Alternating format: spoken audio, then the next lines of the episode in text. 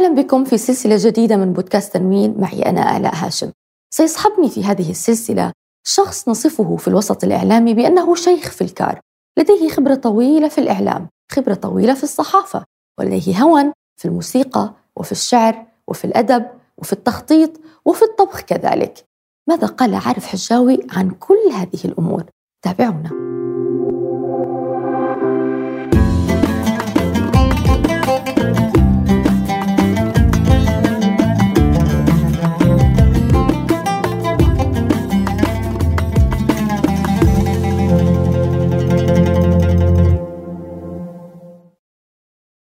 لا يمكن أن نتحدث عن عارف حجاوي دون أن نتحدث عن الإعلام. مسيرة إعلامية طويلة. م. تتحدث عنها في كتاب اسمه حياتي في الإعلام. صحيح. في أحد صفحات الكتاب تقول بأن صدفة قادتك إلى البي بي سي في لندن. جاءت زوجتك تخبرك عن إعلان في أحد الصحف. هذا صحيح. آه، أنهم يطلبون مترجما في البي بي سي. وكانت هذه بداية الرحلة في البي بي سي حدثنا عن هذه المرحلة بي بي سي هيئة الإذاعة البريطانية قبلها عملت في جرائد. لكن يعني على سن الثلاثين تقريبا. أو الثانية والثلاثين ذهبت إلى لندن. وملأت ال- ال- الإعلان أيامها طبعا ما فيش إنترنت وما فيش إيميل بريد. وبعد أشهر جاءني وقالوا هناك اختبار اختبرنا وذهبت إلى لندن مترجما مم. فكنت مترجم ومذيع في البداية مم. ومكثت هناك 11 سنة في إذاعة لندن هيئة الإذاعة البريطانية وصورة هذه الإذاعة كانت أنها إذاعة جدي مم. يعني أنا أتذكر أن هذه الإذاعة أنا كنت أظن أنها انتهت وذهبت مع الريح. لأنها هي الإذاعة التي يسمعها الجد والأب من عام 38 مم. فاكتشفت في الثمانينات أنها موجودة. وأنني فيها وعملت بها الآن أنا متأكد أن من يروننا سيقولون ها إذاعة لندن هذا شيء عتيق جدا هي موجودة ما زالت وعملت فيها في عصر أصفه ببقايا العصر الذهبي. بل ربما العصر الذهبي أيضا لأنها التلفزيون الفضائيات لم تكن قد بدأت بعد مم. يعني كان هناك فضائيات ترفيهية أو فضائية واحدة. فقط. فالإذاعة كان لها دور وكانت مسموعة البي بي سي في الثمانينات. صحيح. فكانت هذه أول تجربة إذاعية لي أول إذاعة دخلتها في حياتي هي البي بي سي. وكان سهل مسألة الانتقال من أنك مترجم إلى مذيع لا فورا. آه، وأيضا كنت أيضا تحرر في البي بي سي. كنا نترجم الأخبار كاملة والتقارير كاملة. فقط في البرامج كان لنا دور في ال- الكتابة. وبرامج أدبية برامج آه، إلى آخره هذا جاء لاحقا لأنني مكثت في الأخبار. والبرامج الإخبارية نصف المدة تقريبا خمس سنوات وبعد ذلك أصبحت مديرا للبرامج. فكان علي أن أرعى الآخرين. كان. عندي فيما أذكر آه، ثمانية وثلاثون موظفا. لماذا أتذكر العدد؟ لأن صندوق البريد كان فيه آه، ثمانية وثلاثين آه، إيميل بريد. بريد آه، صندوق خشبي آه صندوق آه هذا صح لم يكن الإيميل في قبل الإيميل الوقت نعم. هذا ف آه، كنت المفروض مم. أن أساعد زملائي لكي ينتجوا مم. عيب على مدير برامج أن يعمل برامج بيده فكنت أتسلل ليلا إلى الإذاعة مم. وفي الاستوديو الذاتي أسجل برامج أدبية مم. آه وكنت آه، عملت برنامج عن العروض وعن الشعراء فهذا كان بعض نشاطي. وعملت برنامج اسمه دائرة المعارف. يعني لأني كنت أحب أن أنتج بيدي. هذه فترة ومرت. الإذاعة عشق للكثيرين وكانت لي في ذلك الزمن. وعملت في إذاعة أخرى عندما عدت إلى بلدي فلسطين في إذاعات. كيف تتشكل هذه العلاقة الأولى آه، بين المذيع وبين المايك الميكروفون؟ يعني حتى في تمرين الصوت حتى في آه، الألفة مع هذه الأداة أن يصل صوتك إلى الناس التي تسمعك؟ في إذاعة لندن لم يكن ذلك. آه، قريبا. المستمع كان بعيدا عنا. كنا في لندن والمستمع يسمعنا في كثير من البلدان عبر الموجة القصيرة. هذه الموجة التي تروح وتجيء وصوت المذيع يكون فيه شهقات. هذا النوع من ال... فلم نكن على اتصال بالمستمعين. اللهم إلا بالرسائل. وكانت تأتينا آلاف الرسائل. وبعض الذين يكتبون لنا يرسمون صورنا كما يتخيلوننا. كما يتخيلون. لا يروننا. ف غيري يتحدث أكثر عن عشق الميكروفون لأني رأيت من وقع في هذا العشق آه، أكثر مني. أنا بشكل معتدل. لكن أول ظهور لي على الميكروفون لم أحس بأن هذا شيء مختلف عن الحياة العادية.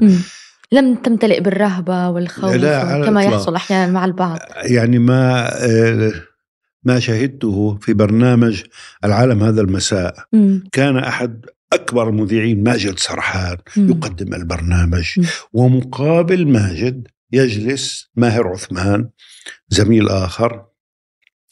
فكنت أنا من قراء التقارير. الاستوديو فيه آه، منضدة تتسع لأربعة. مقدم وقارئ قارئ قارئ.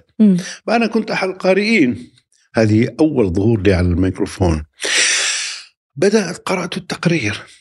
وفي وسط القراءة أنا عيني على الورقة طبعا لكن لاحظت أن ماجد سرحان رفع عينه ونظر في عيني ماهر عثمان وهو صديق له.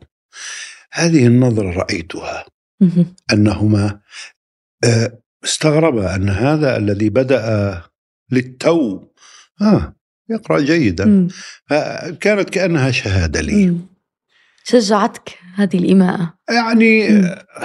موقف آه، أخذت منه إيماء. وتقرؤون بشكل مباشر ويخرج الصوت يبث. على تقرير طول. مباشر حتى لم يكن يسجل يعني. لا المقابلات كانت مسجلة مسبقا. ولكن التقارير التي نترجمها من مراسلين إنجليز في شتى بقاع الأرض نترجمها اولا وبعد ذلك نقرأها في الاستوديو. هذا كان النمط المعروف. ثم زادت المقابلات كثيرا. بالتدريج. ذكرت ماجد سرحان وذكرت ماهر عثمان. من عاصرت أيضا من هذه الأسماء؟ يعني الأسماء الكبيرة في مجال الإعلام صحفيين أو حتى مذيعين. يعني جلست فترة طويلة في البي بي سي. نعم. يعني سمير فرح بسام عنداري جاء, جاء بعدي. آه الكبار القدامى معظمهم توفي الآن. آه فاروق دمرداش إسماعيل طه عفاف جلال جورج مصري. يعني كل ما وماجد سرحان رحم الله الجميع. عندما أنظر إلى بعض الصور أحيانا أقول والله أنا الوحيد الباقي والباقي وجه الله. فزمن قديم. الإذاعة شيء مختلف عن التلفزيون. ما المختلف إذا أردنا أن نتحدث عن التمايز بين الإذاعة وبين التلفاز؟ بالنسبة لي كمقدم لم أشعر بأي اختلاف. أنا جلست أمام الكاميرا أول مرة آه، بعد أن آه، بعد أن كنت في الستين من العمر. جلست وقدمت البرنامج بشكل لم أشعر بأي اختلاف. هذا بالنسبة لي. لماذا؟ لا أدري لأنني ربما لأنني لا أقوم بدور لا أمثل دورا. أنا أقدم مادة أقولها للمشاهد تحكيها بشكل مروي. قصة نعم بالغالب. فلم أجد اختلافا. لكن التلفزيون صورة مم. في النهاية مم. فالتلفزيون الفقير في الصورة دائما نصفه بأنه إذاعة تلفزيون فاشل إذاعة مم. لماذا؟ لأنه معتمد على الكلمة وليس فيه صورة حية مم. والتلفزيون غدار الصورة تأكل الكلام مم. إذا كان عند صاحب التقرير صور قوية وكان صاحب لغة وكان تلميذا في المدرسة يقرأ مواضيع الإنشاء فهذه وصفة لأن يصبح مراسلا رديئا لأنه يصنع نصا فاخرا مليئا بالجمل الملونة وال مم. يزاحم الصورة. العمل التلفزي هو أن تقول الصورة كل شيء. وأن تدعمها دعما ببعض الأشياء القليلة إذا الصورة الأساس في التلفاز والصوت في الإذاعة بالتأكيد نعم. فأنا أحيانا أكون أنا أظلم التلفزيون وأظلم نفسي أنني أقدم برنامجا هو عبارة عن كلام. أقف أمام الكاميرا وأبدأ بالكلام. فما أصنعه كي أعوض أنني أحاول أن أطعم برنامجي بالصور وهذا يتعبني. أنا مم. آه، أفتش في الإنترنت في مواقع الصور آه، كي أدعم كلامي بصور. وأطلب من المنتج أخفي صورتي وأبرز صوره من. أتحدث عنه. حتى أحرك البرنامج قليلا. هذا في تجربة سيداتي سادتي وأيضا هذا- في اللغة العالية في. سيداتي سادتي. في اللغة العالية كان هناك بعض هذا برنامج أنا كنت أود أن أتحدث عن هذه المرحلة لاحقا لكن لا بأس نتحدث عنها الآن. اللغة العالية قدمته في قناة الحوار.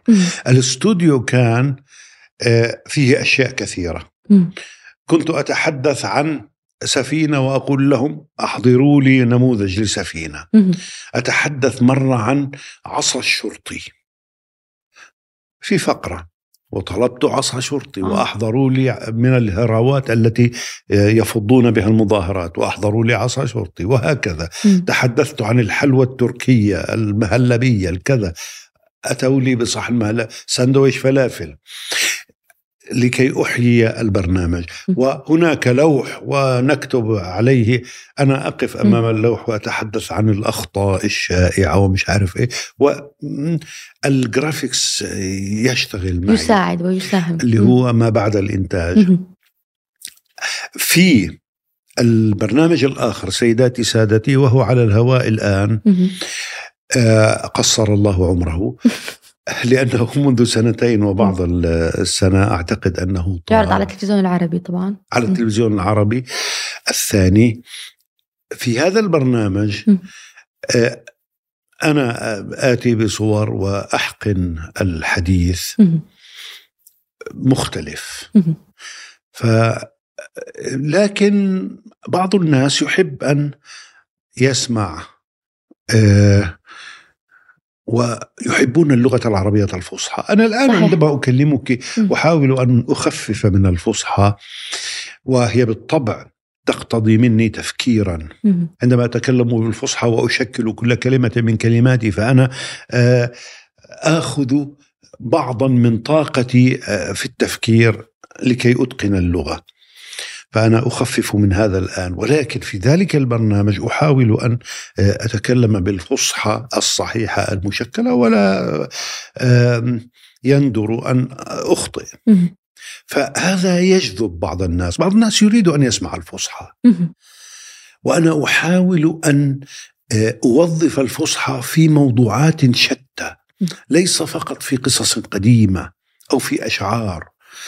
أحاول أن أتكلم عن الجسم الإنسان بالفصحى عن القلب والطحال وعن آه، البعد البؤري وأشياء في العلوم أمور في السياسة الخرائط في الاستراتيجية وعن أدباء أجانب إلى آخره. أنوع الموضوعات وفي ذهني أن الفصحى يجب أن تخدم كل ذلك. أريد من لغتنا العربية أن تخدم كل هذه الموضوعات. فهذا آه، من بعض آه، طريقتي في التفكير في برنامج سيداتي سادتي. نعم. عندما نعود إلى فترة البي بي سي نعم. كما قلت عملت في الأخبار وعملت أيضا في البرامج. نعم. في حياتي في الإعلام في الكتاب تصف من هو حلس أخبار. هكذا تصفه. نعم. بأنه مجنون أخبار. هذا الذي لا آه، يعيش إلا عبر متابعة الأخبار بشكل دقيق ولم أكن وسريع وأيضا مجنون البرامج أين تجد نفسك كعارف؟ هل أنت يعني ربما منحاز إلى البرامج أكثر؟ أحب البرامج م.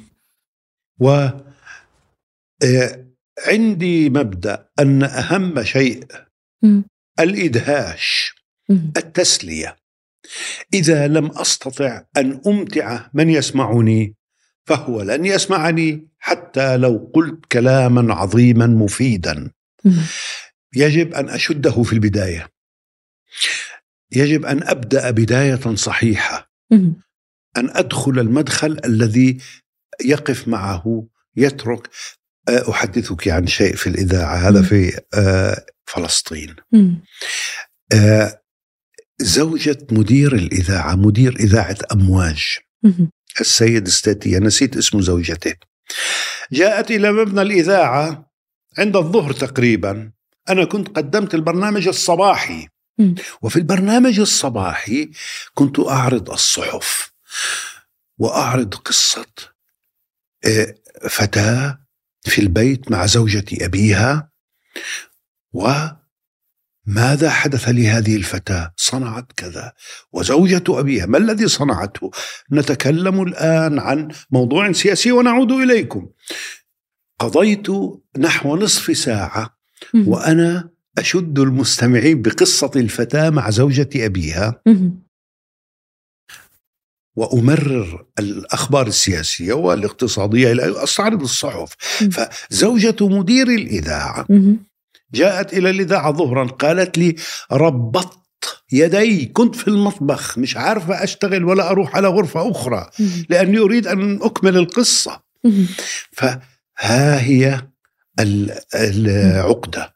المذيع يجب أن يربط يدي المشاهد أو المستمع أن يبقيه معه. كيف ذلك؟ الطرق عديدة. أهم طريقة القصة أن يروي قصة. القصة لها بداية ولها وسط ولا نهاية. أريد أن أسمع البداية إذا يجب أن أنتظر للنهاية. هناك الإدهاش أن تأتي بشيء جديد بطريقة جديدة في الكلام.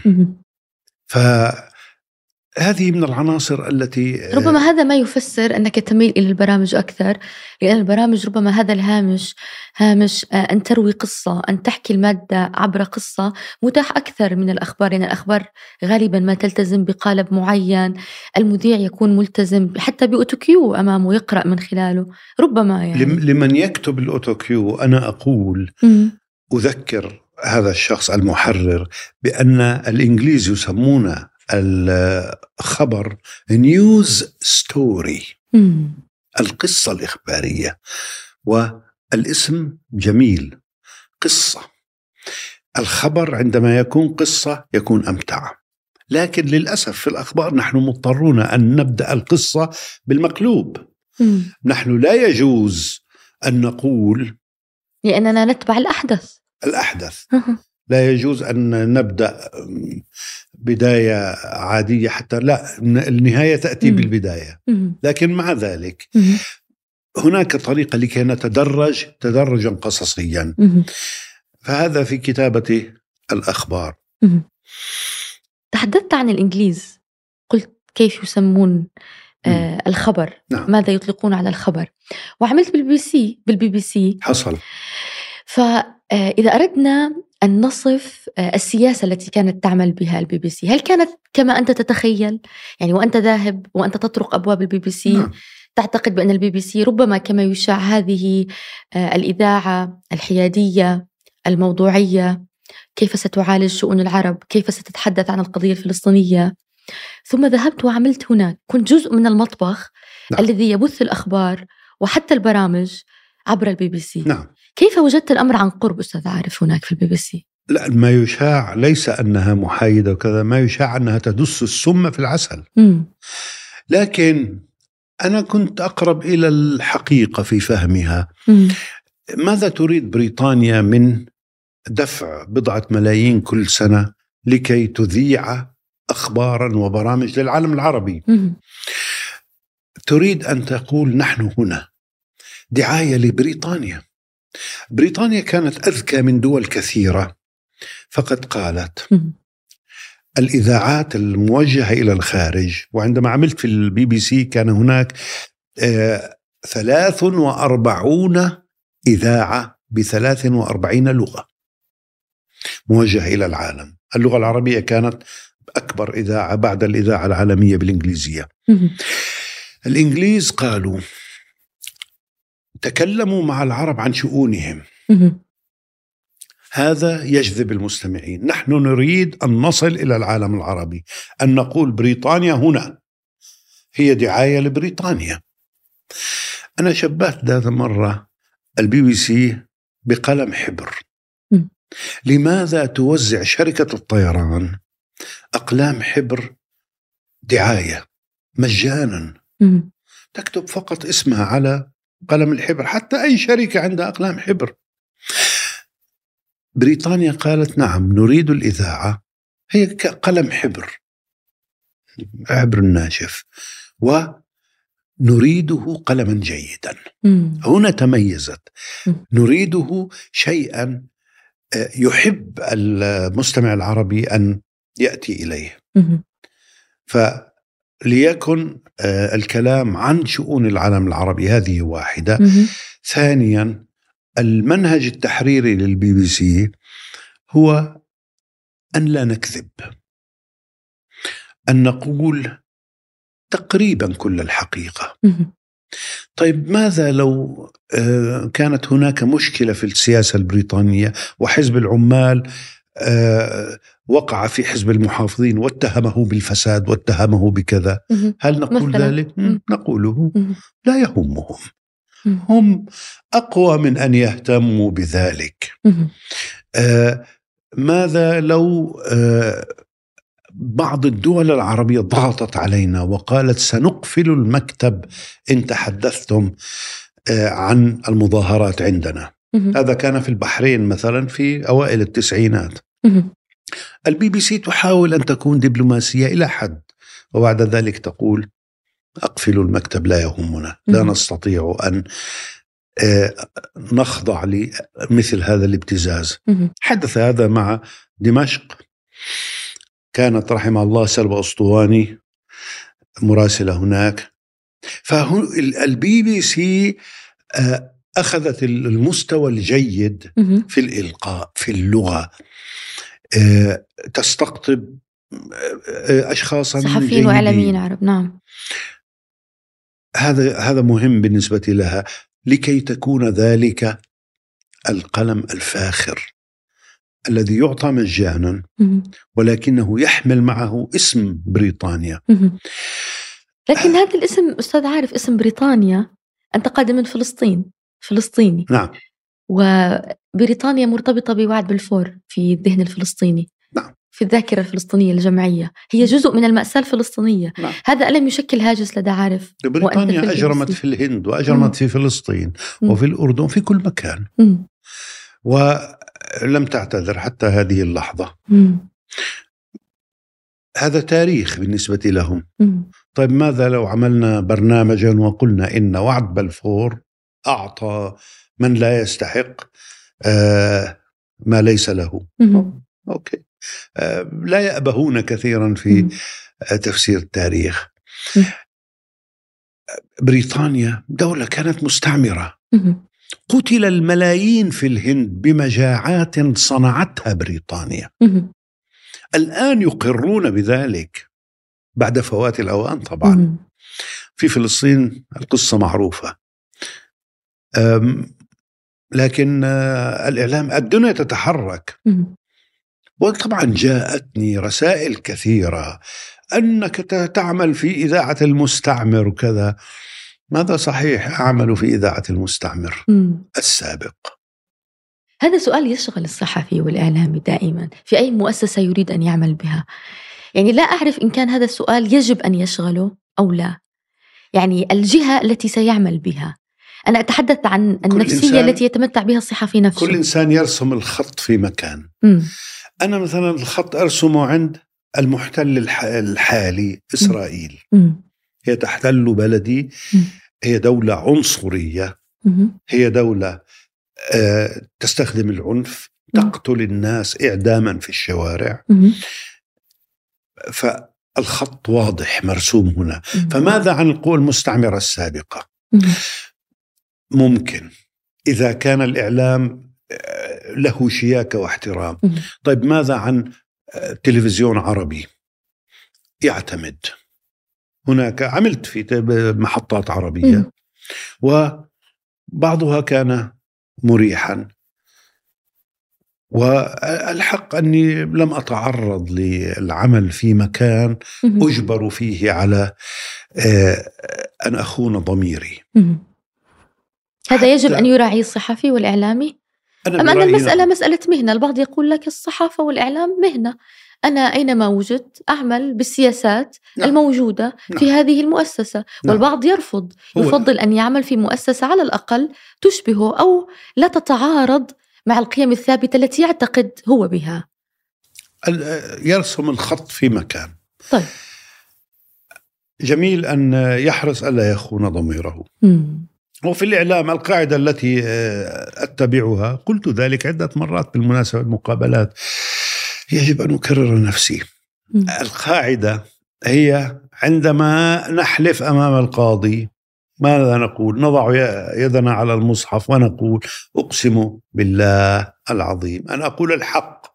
كل الحق. ولا شيء غير الحق ثلاثة. في الإعلام. نقسم ما أقول أقسم بالله العظيم أن أقول الحق ولا شيء غير الحق فماذا عن كل الحق.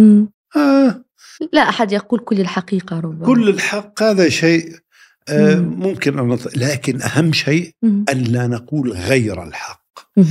ف وبالجو الإعلامي العربي مستوى التطبيل هو ما آه، ينظر إليه مم. في بعض ال- الأحيان يكون عاليا.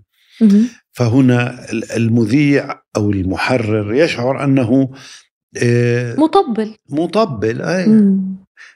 فهنا قد آه، طيب يشمئز من هذا الوضع سنحكي عن الإعلام العربي بالتفصيل آه. لكن قبل قليل تقول بأنك قلت هذا الشيء في مقابلات كثيرة ويجب أن أكرر نفسي دعنا نقول شيء لم. تقله سابقا إن شاء الله عن البي بي سي آه. لحظة أو تغطية ربما حدث عالمي آه، عايشته في غرفة الأخبار في البي بي سي آه، حتى الآن تذكره يعني يعني دخول صدام حسين إلى الكويت مم. كنت مداوما في الفجر في ال- الشفت الصباحي مم. وجاء بالأخبار أن صدام حسين دخل الكويت كان هناك حشد في الأيام السابقة مم. فاتصلت بمراسلنا كان نائما في الكويت فكنت على الخط معه أقول له أخرج إلى النافذة افتح النافذة ماذا ترى انزل إلى الشارع. كان كلام على الهواء. مع المراسل أريد شيئا من الأرض. عندي طبعا رويترز وعندي الوكالات فكانت تغطية آه، وطبعا بعد ذلك. ماذا حدث بعد احتلال الكويت؟ وكيف أخرج آه، العراق من الكويت في حرب؟ آه، كانت آه، بالنسبة لنا شيء مؤلم وقاس. لا، لا، تقصد العرب الذين جميعاً؟ نشتغل معهم هم جزء من هذه الحرب. صحيح. والعراق جزء منا. فكنا دائما حريصين على الموضوعية بطريقة البي بي سي. تحققت إلى حد كبير في الواقع. لكن أريد أن أقول أيضا إن الكويت أيضا جزء منا. فاحتلال العراق للكويت كان مؤلم آه، بنفس الطريقة. أنا كنت راضيا عن تغطية البي بي سي العربية لغزو آه، العراق للكويت. لكن الحرب التي شنت على العراق طبعا الحرب آه، نفسها لم أكن آه، مرتاحا فيها هذه حرب على بلد عربي. لكن التغطية كنت منسجما معها بعض التغطية في التلفزيون البريطاني. كان هناك بعض الانحياز الواضح. ضد العراق بالطبع. أي هم يبثون لأهلهم. التلفزيون البريطاني يريدون أن يبرروا المشاركة المشاركة البريطانية. فكان لم يكونوا مع الحكومة. البي بي سي ليست جهة حكومية. ولكن بما أن بريطانيا تخوض الحرب وأولادهم جنود فكنا نحس بالانحياز. هذا ظهر في كلمة لمراسل عندما قال جنودنا. الكل لاحظها. البي بي سي لا تقول جنودنا. تقول الجنود البريطانيون. فكلمة جنودنا الكل لاحظها. هذا يقودني إلى سؤال مسألة الحيادية. إلى أي درجة؟ نتحدث كثيرا في الإعلام عن الحيادية وعن الموضوعية. هذه أسئلة تطرح دائما وأنا أريد أن أسمع الإجابة من عارف حجاوي بهذه التجربة الطويلة. دائما يقال أنه يجب أن تتحرى الحيادية يجب أن تتحرى الموضوعية. هذه الشعرة الرقيقة بين أن تكون حياديا وموضوعيا وأن تكون بلا موقف. في حين أن الصحفي والإعلامي يجب أن يكون صاحب موقف. لا يمكن الحيادية مستحيلة. مستحيلة. هذا متفق عليه. م. هذا يعني صار قانون كقوانين الفيزياء. آه ما كيف تنطق؟ ما الخبر الذي تختاره؟ آه هنا آه فورا تكون في معسكر. لكن الموضوعية أن تلتزم بموضوعك. كيف؟ أن لا تنحرف عن الموضوع لكي تبرر شيئا. يعني مثلا إذا أنا تحدثت عن آه، حرب العراق على الكويت. وذكرت أن العراق عراق القادسية. الذي فورا أنا آه، خرجت عن الموضوع. وجئت بكلمة تاريخية لكي أبرر للعراق في حربه مع إيران هذه مم. مثلا استعملت مم. فأن أخرج عن الموضوع بإشارات تاريخية مم. أو بتمجيد أو كذا هنا انحراف عن الموضوعية مم. الموضوعية ممكنة مم. أن ألتزم بالموضوع مم.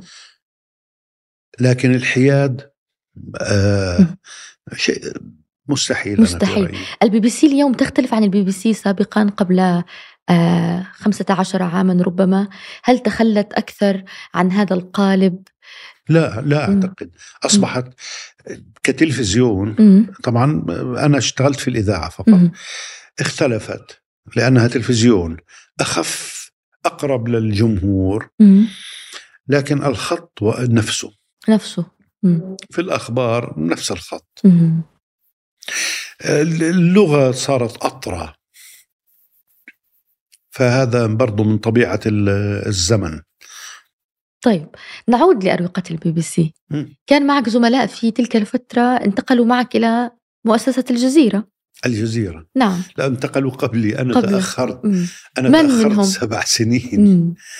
آه كريشان محمد كريشان كان في البي بي سي فترة قليلة آه، قصيرة, قصيرة. جدا. مم. كان في التلفزيون البي بي سي. فتح تلفزيون في البي بي سي فترة قصيرة وأغلق م. فانتقل كثيرون إلى الجزيرة. م. أنا لم سامي حداد أيضا. سامي حداد هو الاسم الأبرز وجميل عازر. م. سامي حداد رحمة الله عليه هو الذي قابلني للوظيفة في البي بي سي. هذا رجل عتيق. م. وانتقل إلى الجزيرة وتسنم منصبا قابلك عندما ذهبت مترجما؟ للبي بي سي. نعم. و وبعث لي عرضا للالتحاق بالجزيرة فلم ألتحق. لماذا؟ كنت في جامعة بيرزيت وكنت مرتاحا جدا مم. هذا قبل الانتقال إلى الجزيرة كان هناك مرحلة انتقالية دعنا نسميها لازم نعمل سرد مم. تاريخي صحيح بين البي بي سي وبين الجزيرة. البي بي سي مم. والجزيرة هناك سبع سنوات قضيتهن في جامعة بيرزيت مم. لماذا قررت أن تترك البي بي سي وتعود إلى فلسطين وتعمل في جامعة بيرزيت تترك في- الإعلام في تلك ال- المرحلة. كان دخل عندنا قسم الإنترنت. وقسم الإنترنت جاء على حساب آه، دائرة البرامج. فأغلقت دائرة البرامج كاملة. فعرض علي أن آه، أكون في موقع آخر موقع لا بأس به الحقيقة وهو البرنامج الصباحي الذي. كان الأكثر استماعا مم. فقررت أن أذهب إلى بلدي وكان عندي عرض من جامعة بيرزيت. فأخذت العرض وانطلقت إلى بلدي مم. لكن هذه خطوة لا يفعلها كثر يعني أن تترك الإعلام تعود إلى التدريس في جامعة بيرزيت التدريس بالإعلام مم. وفي كان هناك معهد للإعلام في الجامعة فكان كنت سعيد هناك. في جامعة بيرزيت نعم. السبع سنوات في التدريس في سبع جامعة بيرزيت سنوات. مم. ومنها انطلقت إلى الجزيرة. إلى الجزيرة.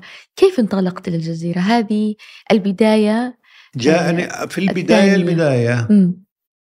آم، لم أذهب. مم. بعد ست سنوات أرسل إلي عرض مم. رسمي عمل على الفاكس. و نويت أن أذهب. لكن آه، لم أذهب في قصة قصيرة. هذا العرض أرسل من الجزيرة.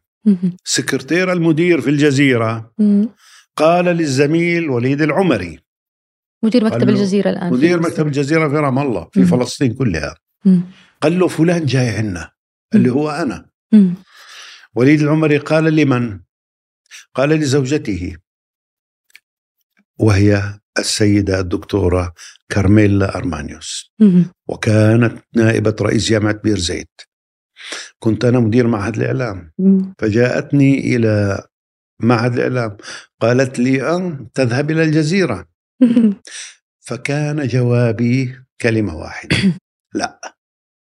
كنت سعيدا في بيرزيت كأنني كنت أنتظر أن تقول لي هذا الكلام. قلتها حرجا؟ لا لا قلت أم أنك لم تقرر لا، بعد أن. تنتقل إلى لا لا كنت على وشك أن أحزم الحقائب. مم. قالت لي أنت ذاهب إلى الجزيرة. قلت لها لا. لم يغرك هذا الاسم الجديد. لا لا خلاص. مم. أحسست أنني أريد أن أبقى هنا. مم. بعد سنة كاملة مم. جدد العرض. وذهبت. ذهبت للجزيرة. نعم. آه، يعني قصة. طيب زكاك أحد هناك؟ يعني دائما في الجزيرة مم. والله شوفي المدير الجزيرة أنا ذاك وضاح خنفر مم. آه، قابلني خمس دقائق وناولني العرض. مم. أنا تعجبت أنه يعني لا يعرفني ولا أعرفه. مم. بعد سنوات طويلة عرفت أنه عندما كان مراسلا في جنوب إفريقيا كان يسمعني وأنا في البي بي سي مم. فلعله عرفني من التقارير مم. هذا ما كان التزكية يعني في الجزيرة ناس كثيرين أعرفهم مم. التزكية. ضرورية في في مسيرة المهني والإعلامي يعني هذا أيضا من الأمور التي يعني يتحدث عنها الصحفيون الآن والإعلاميون.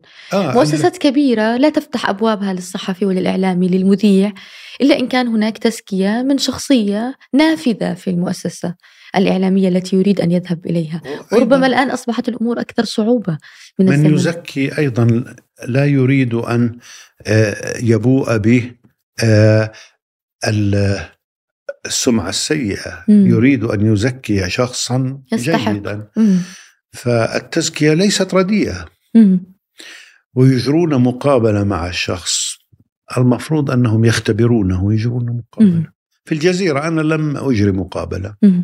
ولا اختبار من حسن حظي في البي بي سي آه، تعرضت لاختبار ومقابلة وزكيت أحد في البي بي سي أو حتى في الجزيرة لا يخلو مم. يعني آه، كنت أحضر مقابلات العمل مم. في البي بي سي وفي الجزيرة مم. من اسم تذكره يعني أنا أعرف اسما ما اذكريه وأنا أقول كانت طالبة لديك في جامعة بيرزيت ثم زكيتها أيضا في الجزيرة وعملت في الجزيرة فترة طويلة وأعتقد أنها كانت تزكية طيبة وجاءت آه، يعني وعملت بشكل آه آه, آه حصل نعم. يعني م- عديد من الأسماء في البي بي سي يعني أذكر لك اسما مثلا كان يعمل معي متدربا مم. طارق كفالة. آه، كان متدربا في الإذاعة هو ليبي أمه إنجليزية وعربيته نص كم مم. لكنه ما شاء الله م- ذكي. فهذا ممن زكيته إنه موظف جيد وهو الآن مدير كل البي بي سي كل الأقسام الخارجية يا آه مدير قطاع كبير مم. يعني القسم العربي والقسم الفلاني لا أدري منصبه بالذات مم. لكن آه، يعني كانت تزكية مصيبة وهذا حدث أيضا مع روان الضامن في الجزيرة في الجزيرة هي كانت زميلة أنا عرفتها في جامعة بيرزيت عرفتها في الجزيرة مم. تزاملنا بضع سنوات ست سنوات في الجزيرة ولكنها استمرت بعدي عدة سنوات هي اشتغلت عشر سنوات في الجزيرة آه يعني عادة أنا لا أذكر من زكيت أو من لم أزكي. لكن آه، أقولها أنني لا يمكن أن أزكي أحدا ليس بكفء. لا أخي ولا ابن عمي. هذا مبدأ جميل طيب بالانتقال إلى الجزيرة بالتأكيد هناك فروق بين البي بي سي أو أنت أخبرنا هل هناك فروق بين البي بي سي بين العمل نعم. في البي بي سي وبين العمل في مؤسسة عربية حتى لو كان كادرها غالبه جاء من البي بي سي نحن نعرف أن الجزيرة. تأسست. كثيرون في البداية كثيرون. ولكن بعد ذلك مم. طبعا الكل كان صحيح آه، الفرق أن الجزيرة عربية. في الزمن الذي عملت فيه مم. آه، كانت مهتمة بشأن ال- الناس الشعوب العربية. وكما قالها أحد المديرين في البي بي سي قال آه، الإعلام الغربي يصور القنبلة وهي تنزل من الطائرة على بغداد مم. نحن نصور الأرض عندما تقتل القنبلة الناس مم. نعم الجزيرة في كثير من تغطياتها الاهتمام كان ليس للحاكم ولكن للناس. ساعد في ذلك أن دولة قطر في تلك المرحلة أنا بدأت الجزيرة في سنة 2006 مم. لم يكن فيها آه، شيء يستدعي أن آه، نضعها في نشرات الأخبار. بمعنى؟ لم يكن فيها نشاط آه، حرب سياسة أهو. كانت هادئة مم. الأمور في آه، من ناحية قطر مم. فكانت الجزيرة متفرغة للآخرين تنشر آه، ما يحدث مم. وكانت جريئة أقفلت مكاتبها في تونس في الجزائر في واحتملت ذلك وبقيت تواكب الأحداث. في الثورات العربية في الربيع العربي. كان دور الجزيرة هو مع الناس أيضا آه، الحسابات السياسية موجودة. مع تطور الربيع العربي الحسابات السياسية زادت بدون شك هنا أنا لم أكن في الجزيرة أنا تركت الجزيرة سنة 2012 مم. بعد بدء الثورات نعم وفي الثورات العربية كان لي برنامج في الجزيرة قدمته هو ألبوم مدينة. وكان مناصرا لحركة الشعب. في الدول العربية بعد ذلك في حصار قطر لم أكن في الجزيرة. فيمكن لا يحق لي أن أتكلم. آه، عن وضع الجزيرة عندما حوصرت هل يمكن أن قطر. نقول أن الجزيرة قبل حصار قطر وبعد حصار قطر شيء؟ في حصار قطر مم. الجزيرة ناصرت قطر وبصراحة عندما تحاصر خمس دول دولة صغيرة. فالمنطق واضح أنا في رأيي. أن هذا الحصار شيء مجنون. هذا رأيي الشخصي. فهنا الجزيرة لم ت... المشكلة أنها خصصت مجال كبير لحصار قطر. فهي اهتمت بهذا الشأن أكثر من آه، شؤون العالم الأخرى. هنا آه، لعبت دور الم- المناصر لدولتها وممولها مم. مم. طيب آه، في البداية كنت تعمل في الأخبار في الجزيرة أم منذ البداية كنت في قسم لا البرامج؟ أنا ذهبت مديرا للبرامج آه ذهبت مديرا للبرامج نعم هناك ست نعم سنوات ست سنوات واستقلت مم. وذهبت إلى بلدي. وعملت في الجرائد. قبل العودة إلى البلد يعني مدير للبرامج هذا منصب مهم جدا في الجزيرة. ومن الطبيعي أن تكون العديد من البرامج يعني تحت سلطة عارف حجاوي في ذلك الوقت بما أنك كنت مدير فيها. ما هي أبرز البرامج؟ يعني حتى نتذكر معا في تلك الفترة أبرز البرامج التي كانت موجودة. التحديات التي كانت أمامك كعارف وأنت تتقلد هذا المنصب. ال- البرامج ال- ذات الجماهيرية البرامج السياسية مم. آه، مثل الاتجاه المعاكس كان موجودا وكنت أنت المدير هو. موجود منذ الأزل منذ سيدنا آدم عليه السلام كانت هذه البرامج لا هي تحت سلطتي ولا تحت سلطة المدير العام كانت تستمد سلطتها من آه، مم. أماكن عليا. بكل بساطة مم. رسميا كانت عندي ولكن عندي وليست عندي. قليلا ما كنت يعني أبدي النصيحة الطيبة التي لا تقبل. لكن برامج أخرى الوثائقيات إن كان ما لم يكن هناك قناة وثائقية فكان عندنا وثائقيات كثيرة. باستمرار يوميا يعني معنى ذلك أن هذا المنصب في تلك الفترة أو دعني أقول في الجزيرة هو منصب شكلي ليس تماما هناك وثائقيات كثيرة. هناك ناس يعملون. ينتجون. فليس منصبا شكليا لكن السلطة السياسية على بعض البرامج. آه، ليس بالضرورة أن تكون عند المشرف إداريا على البرنامج. هذا شيء مفهوم. في كل مكان. شيء موجود فلكن عملنا أشياء كثيرة وكانت جيدة مثل ماذا؟ يعني عملنا وثائقيات عن آه، فلسطين مم. مم. كلفنا شركات بوثائقيات عن كل مكان وثائق النكبة كان في في في الزمن الذي كنت النكبة هذا أربعة أجزاء مهمة هذا صحيح أنتجته وترجم. الزميلة روان الضامن مم. وترجم إلى عشر لغات مم. لكن هذا مم. ابن دائرة البرامج في الجزيرة. آه، عن كل مكان عن تاريخ ال- السياسة العربية السياسة الاستعمارية البريطانية الفرنسية عن الوثائقيات كانت كثيرة جدا مم. وبعد ذلك قلت لما عندما فتحت القناة الوثائقية مم. نعم وأيضا غير البرنامج الاتجاه المعاكس ذكرناه كان أيضا هناك برامج يعني برامج كان. برنامج سامي حداد كان أكثر من رأي آه مم. كان و- يبث من الدوحة لا آه، من لندن. من لندن وأحيانا من رام الله مم. يجري مقابلات كان كان في أكثر من برنامج البرامج الحوارية مم. يعني في برنامج سامي حداد كان لي مدخل على سامي حداد لأنه رجل أعرفه جيدا. ويسمع مني وأسمع منه. وكتبت له رسالة مؤلمة عندما وقف برنامجه مم. لماذا توقف أوقف البرنامج أوقف. يعني الإدارة العليا وكذا فقيل لي تفضل أبلغ سامي حداد بإيقاف برنامجه. فكتبت لسامي حداد إيميلا الأستاذ سامي حداد. مم. أنت عينتني في البي بي سي نقطة. والآن أقول لك برنامجك وقف. نقطة. انصب لي المشنقة. وضحك كثيرا. مم. روحه كانت حلوة. مم. يضطر المدير أحيانا يعني أن يفعل نعم. أشياء لا يحبها. يضطر. مم. وفي الإعلام يحدث هذا.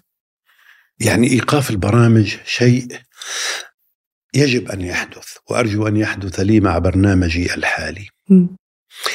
آه البرنامج لا يستطيع أن يستمر إلى الأبد. يستنزف. أنا في رأيي يجب التجديد دائما. أحيانا تكون برامج ثقيلة هناك أمور لا تصلح للتلفزيون تصلح للكتاب فقط عندما نتحدث عن الحداثة وما بعد الحداثة وإشكاليات الإبستيمولوجيا هذا لا ينفع في التلفزيون. مثل هذه الأشياء يجب أن توقف. طيب آه بعد فترة أيضا استقلت من الجزيرة. هذا القرار يعني هذه المؤسسة الإعلامية الكبيرة التي يتمنى كثر أن يعملون بها وحتى هناك أناس دخلوا الجزيرة قبلك وما زالوا فيها حتى الآن. لكن أنت استقلت من الجزيرة وربما ليس لمرة واحدة أكثر من مرة حسب ما أعرف. في عندما كنت مدير للبرامج بعد خمس سنوات استقلت م. حاولت ولكن كان بيني وبين المدير العام وضاح خنفر آه، محبة حقيقية وما تزال موجودة بحمد الله. فأقنعني بالأحرى أجبرني ألا أستقيل. وبعد سنة استقلت فعلا. في هذه السنة كان وضاح خنفر قد غادر الجزيرة. في السنة استقل. الأولى بعد بدء الثورات آه كانت سنة 12 2012 آه في فبراير أول السنة استقلت. لكن هذه مرحلة حساسة جدا في تاريخ المنطقة كلها يعني. لكن حياتي ليست ألف سنة. م. الحياة قصيرة م. أريد أريد أن أعمل أشياء أخرى أمل مللت م. يعني الأمر ليس له علاقة برئيس سياسي ما بخلاف سياسي ما المسألة لا. كانت متعلقة لا بالملل لا. فقط مللت أنا أحب أن أغير لكن بعد سنتين عدت إلى الجزيرة بالمناسبة آه. لأنني مللت من الحياة في يعني بلدي بعد عام 2012 رجعت إلى بلدي عملت رئيسا للتحرير في جريدة م. ثم بعد ذلك رجعت إلى مكان آخر في الجزيرة. لضبط الجودة. ضبط الجودة. طيب يعني هذه المرحلة المرحلة الانتقالية من الجزيرة إلى عدت إلى فلسطين؟ إلى فلسطين. جلست. في البيت. سنتان عامان. واتصل بي آه الأستاذ يحيى يخلف. أديب فلسطيني معروف. كان رئيسا لمجلس إدارة جريدة الحياة الجديدة. قال لي نريدك رئيسا للتحرير. قلت له حسنا هي جريدة السلطة الفلسطينية. وأنا لست مشهورا بحبي للسلطة الفلسطينية. أبدا. لكن ارتضوا بي أنت كيف ارتضيت؟ أنا قلت لهم أنا كتبت عن منظمة التحرير أشياء كثيرة وانتقدت أوسلو أيضا أه؟ وانتقدت أوسلو صحيح؟ انت أوسلو هذه كل الناس انتقدوها لكن مم. أنا انتقدت المنظمة مم. قلت هذه لا لزوم لها مم. قالوا قرأنا كل ما كتبت هل أنت في الصف الوطني؟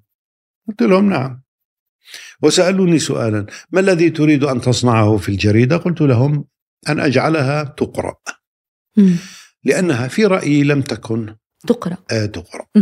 ببساطة.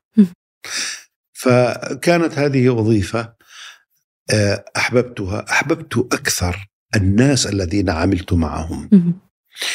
وكثيرا.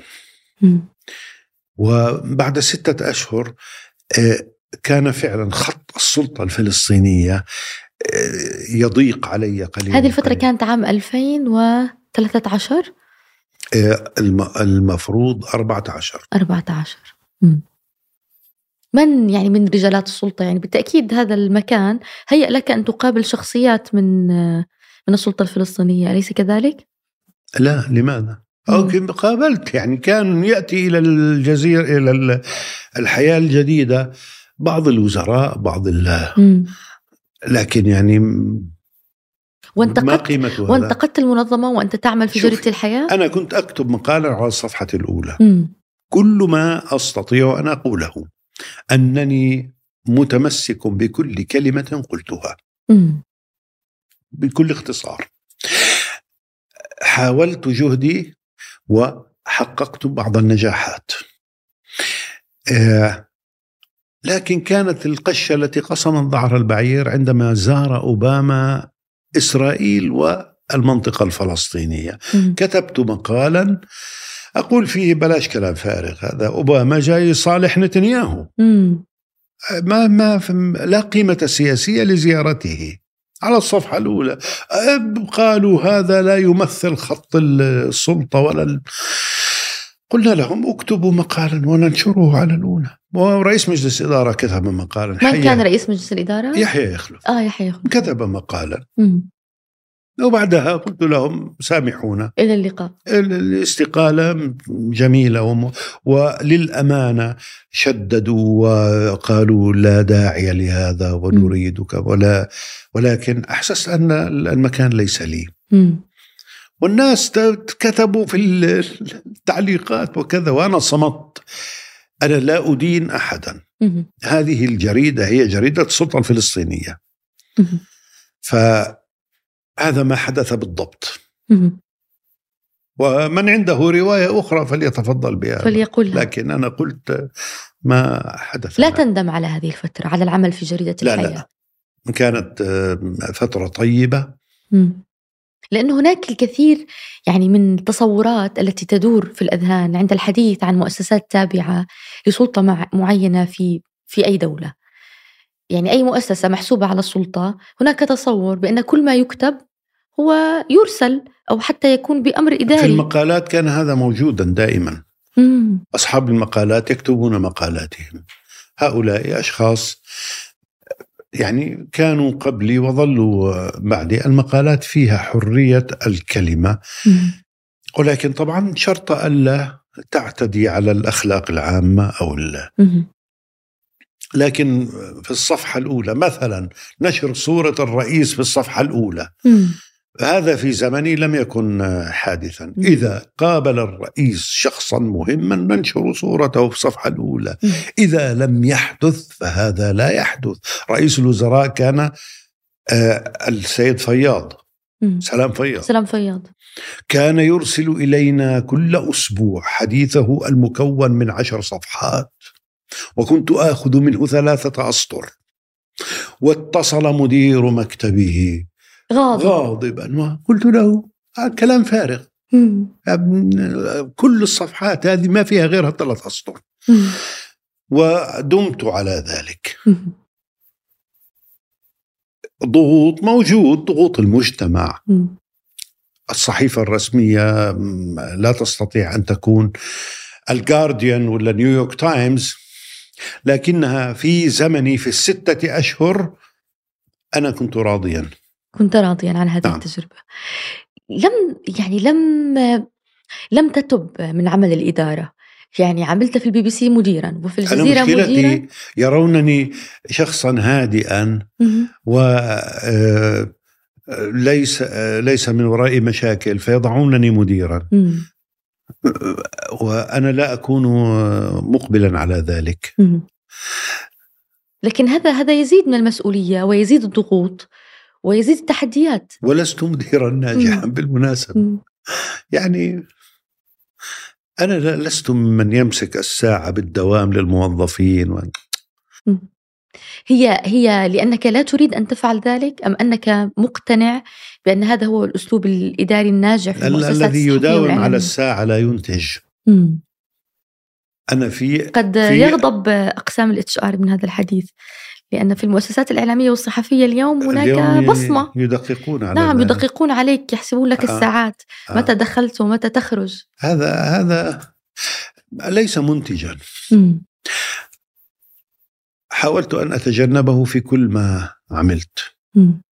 يعني أنا آه، وضعت الكرت في الساعة فقط عندما كنت أغسل الصحون في الجامعة في ألمانيا م. بعد ذلك لم أتعرض إلى مشكلة الدوام شخصيا ولا عرضت غيري لهذه المشكلة. لم أمسك الساعة لأحد.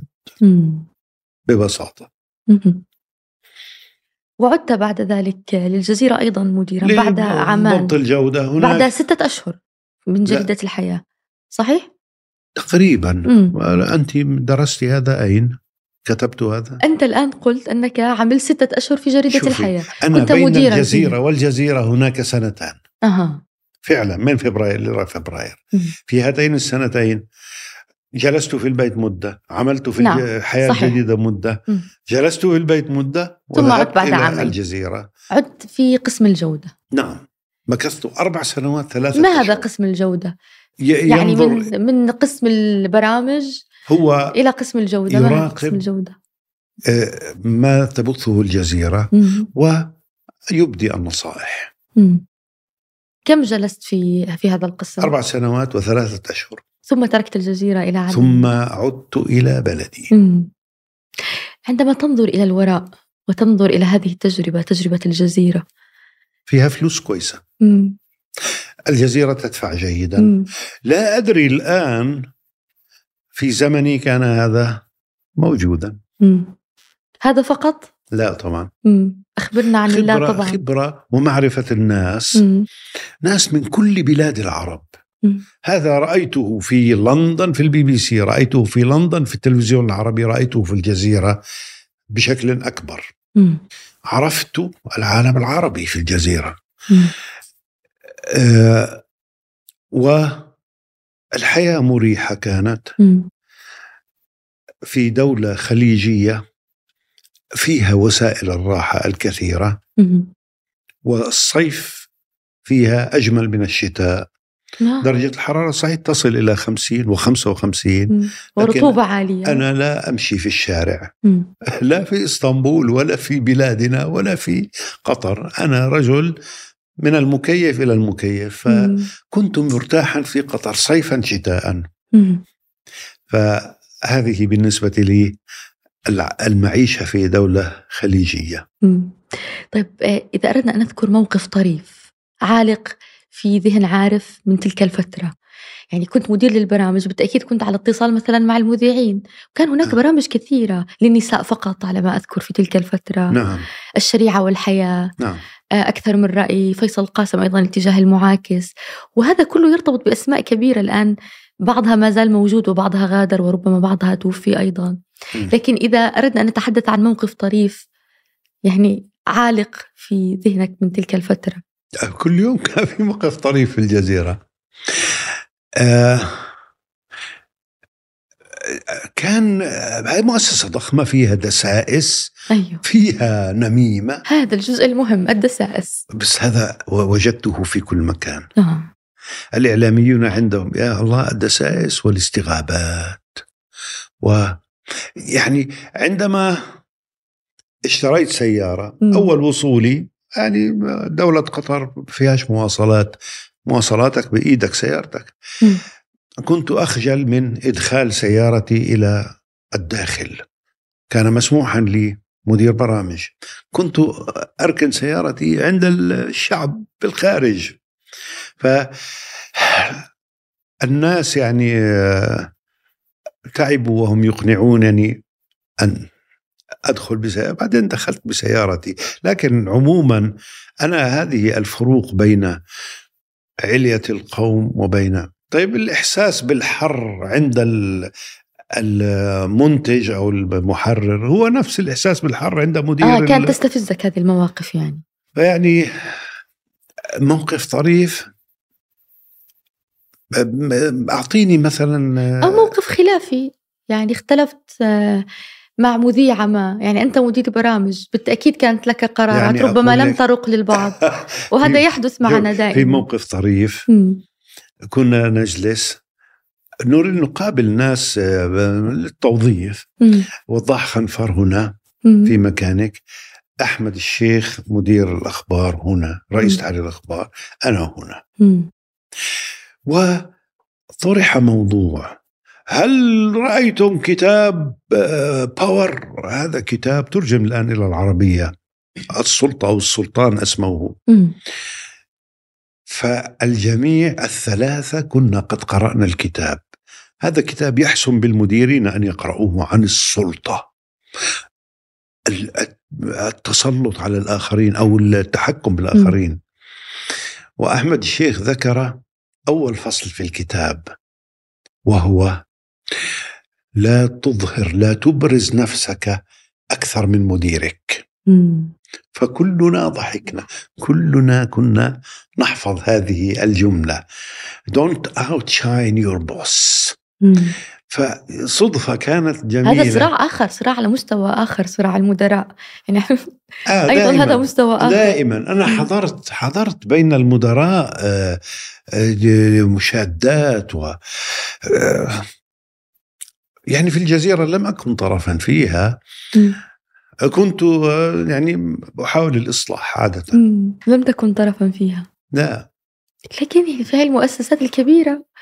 يعني صعب أن يبقى الإنسان بعيدا. يعني حتى يقال أنه في الأنا في المؤسسات الكبيرة الشلالية موجودة. كل مجموعة تعمل مع لمصالح. تمام فهذا صعب.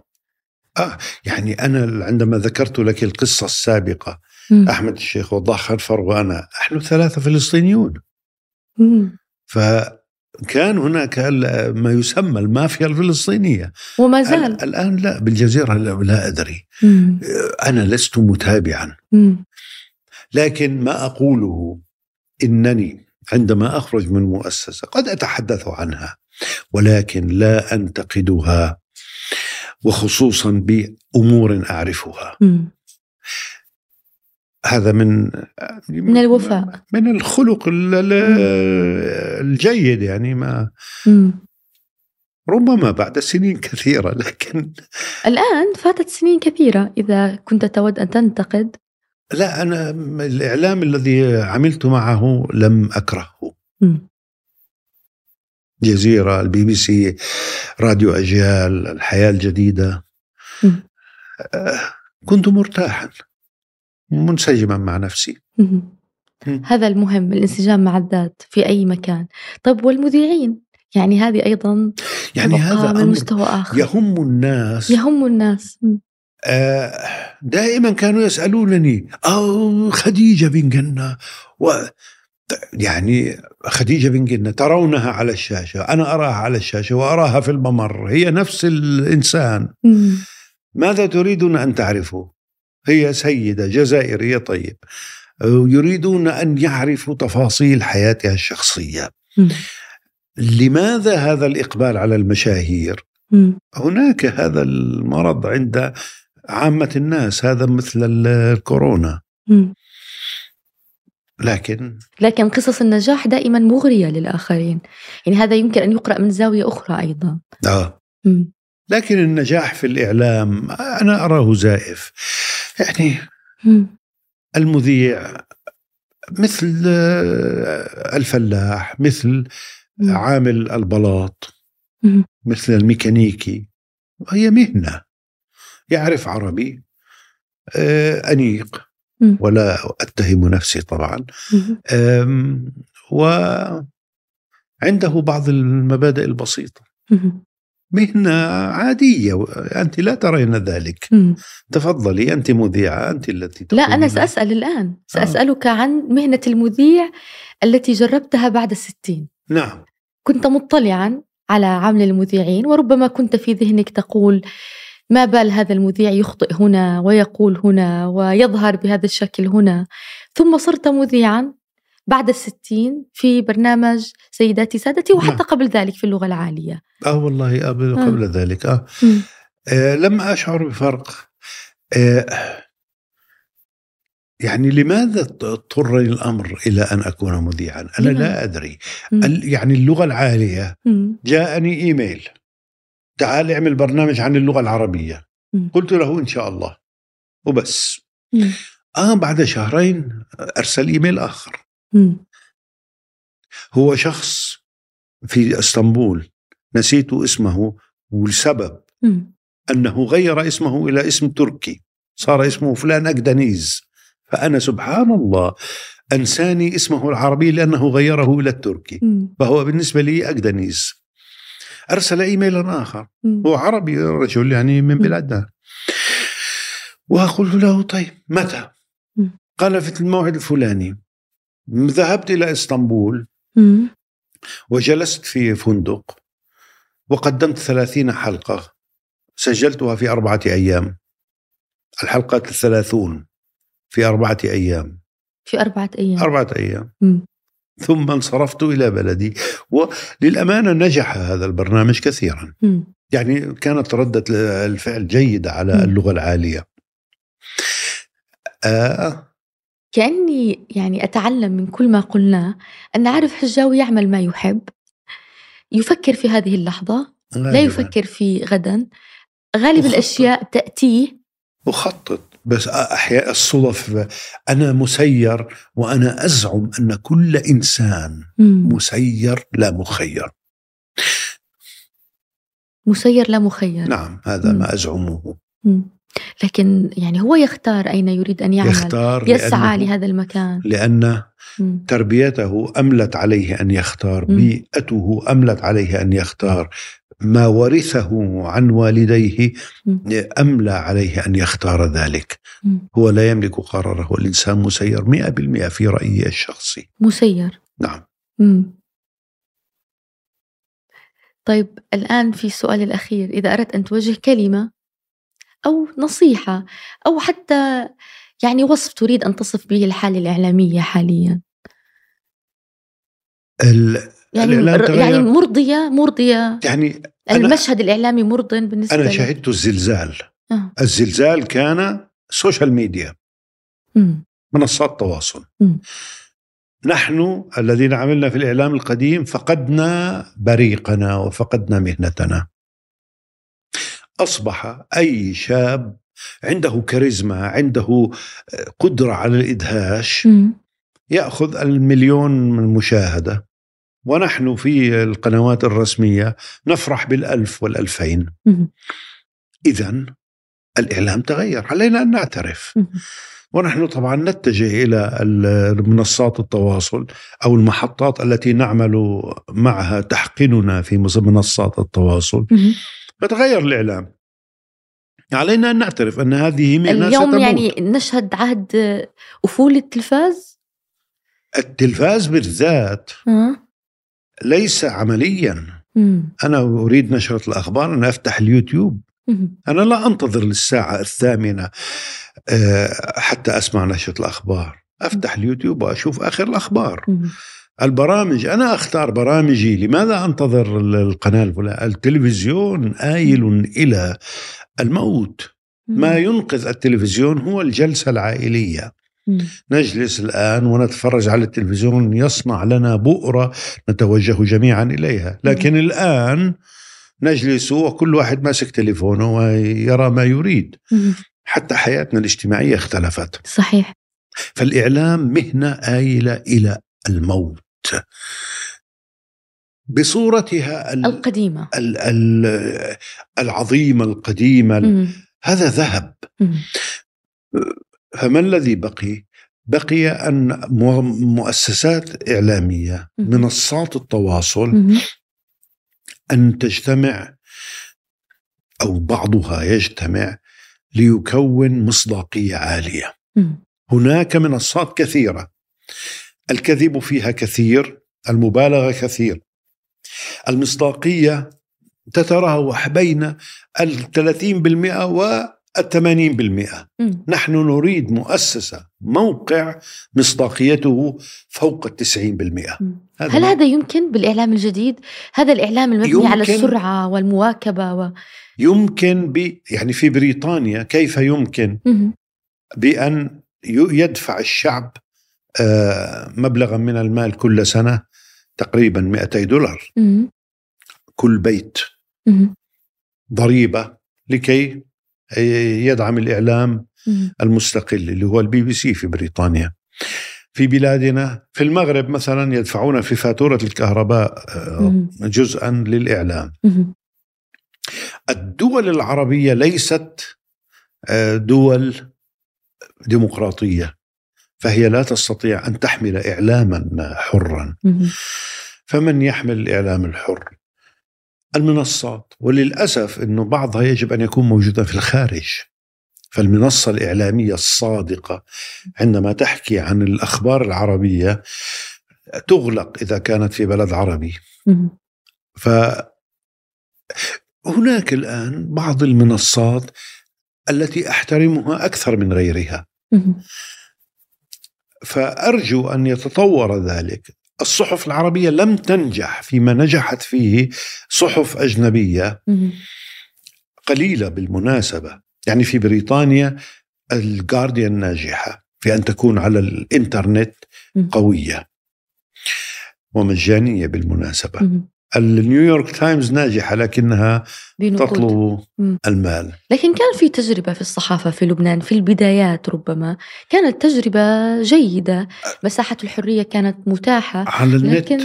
الحضور أضعف. مم. من الصحافة اللبنانية التي قرأتها في السبعينات آه وفي الثمانينات مم. كانت آه قوية فعلا. في الكويت كان هناك صحافة صحيح. حرة وجميلة.